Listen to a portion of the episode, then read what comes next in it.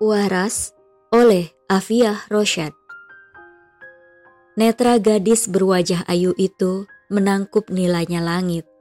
Hatinya tercabik atas penolakan dari seorang ustadz kondang yang begitu dicintainya. Akalnya kusut masai dan surai bersurai dari jiwa yang murni. Lisannya meracau nama-nama yang turut membuat hatinya ditumbuk-tumbuk Tak ada kuah lagi yang mengaliri wajah ayunya. Kerontang sudah jiwa mulus yang terperangkap dalam angan yang terlalu sempurna. Di langit itu, ia gantungkan seluruh angan-angan. Namun, salah tempat rupanya. Angan-angan itu terjun bebas dalam kenyataan yang begitu menyakitkan. Nilam, ayo makan dulu. Seorang suster paruh baya membawa nampan. Gadis yang sejak tadi meratapi akal dan hatinya yang telah surai bersurai menoleh. Mata penuh kebencian memindai wajah suster itu. Nilam bergeming. Dia menatap tajam pada suster yang membawakannya nampan berisi hidangan. Makanlah dulu. Jika kau tak makan, nanti calon imammu siapa yang akan mengurusi? Hmm? Dengan lembut, suster itu membawa Nilam ke meja makan.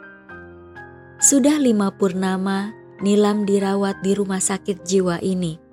Patah hati yang dahsyat menyapanya di saat angannya sedang membumbung tinggi ke angkasa.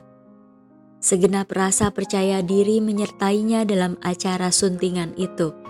Ya, dia hendak mempersunting seorang ustadz yang diidamkannya sebagai calon imam Dirinya merendah khayalan begitu indah, hingga akhirnya porak-poranda atas penolakan sang ustadz. Dia pun tertekan dengan tekanan jiwa yang amat dahsyat. Dia punya bini suster, tak mau jadi calon imamku, padahal aku lebih cantik. Hahaha. Raut muka Nilam begitu redup dalam tawanya. Suster Marni tetap sabar menyuapi gadis tak waras di hadapannya. Dia selalu mendengarkan gadis itu dengan sungguh-sungguh agar Nilam merasa dihargai. Sudah berapa kali dia hendak mengakhiri hidupnya hanya karena merasa tak didengarkan. Suster itu sesekali mengelus kepala Nilam yang tertutup kerudung besar. Apa yang kau sukai dari ustadz itu, Nilam? Tanya suster. Apalagi yang disukai dari seorang ustadz kalau bukan ahli agama? Setiap aku berjumpa di majelisnya, dia menatapku seakan memuja. Dia begitu agam, suster. Kau tahu itu. Percakapan berakhir saat Nilam telah selesai menyantap hidangannya dan meminum obat. Suster segera membereskan bekas makan Nilam, lalu bergegas keluar. Suster merasa tidak tega dengan kondisi Nilam yang begitu depresi. Selama lima bulan di sini, tak ada keluarga yang menjenguknya. Hanya beberapa orang yang mengaku sebagai temannya. Gadis 22 tahun itu menelan begitu banyak kekecewaan. Sejak kecil, dia dituntut sempurna oleh keluarga besarnya.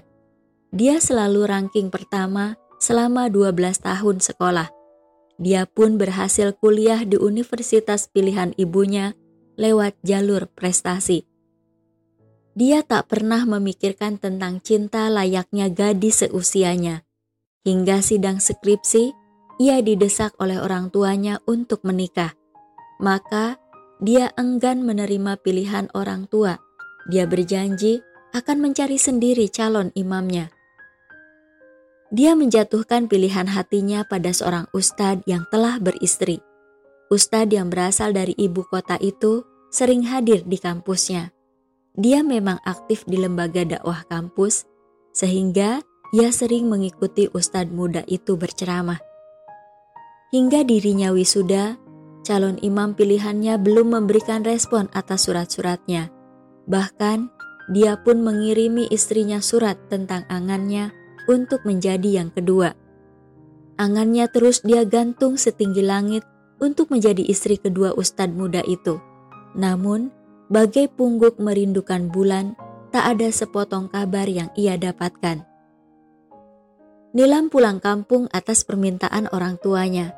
Dia bekerja di tempat yang dipilihkan ayahnya, tentu saja langsung diterima mengingat sang ayah adalah seorang tokoh di kotanya. Meski ayahnya memperkenalkan dengan seorang ikhwan di tempat kerjanya, angan Nilam tetap bergerilya untuk mendapat jawaban dari sang ustadz. Dengan segenap keberanian, dia menghubunginya secara langsung. Afwan ya uhti, saya tidak bisa menduakan Ummu Akila. Jawab Ustadz itu tegas.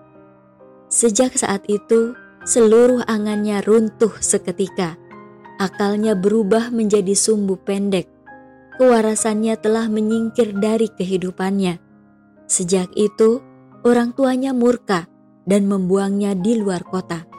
Nasib baik memihaknya Saadah menemukannya berjalan tak tentu arah. Saadah adalah teman sekaligus guru kesayangannya, tempat mencurahkan segala isi hatinya. Segera Saadah membawanya pulang, namun Nilam ditolak oleh orang tua yang sengaja membuangnya. Saadah yang mengetahui duduk persoalan langsung bermusyawarah dengan suaminya untuk mengantarkan Nilam ke RSJ di kota terdekat. Pihak RSJ menyarankan Nilam untuk rawat inap. Sejak itulah dia menjadi penghuni RSJ. Saadah dan beberapa temannya yang sering mengunjungi Nilam. Selama lima bulan perkembangannya, belum ada progres, belum ada tanda dia akan waras. Padahal, suster itu sering menguping Syahadah dalam memotivasi Nilam agar kembali waras.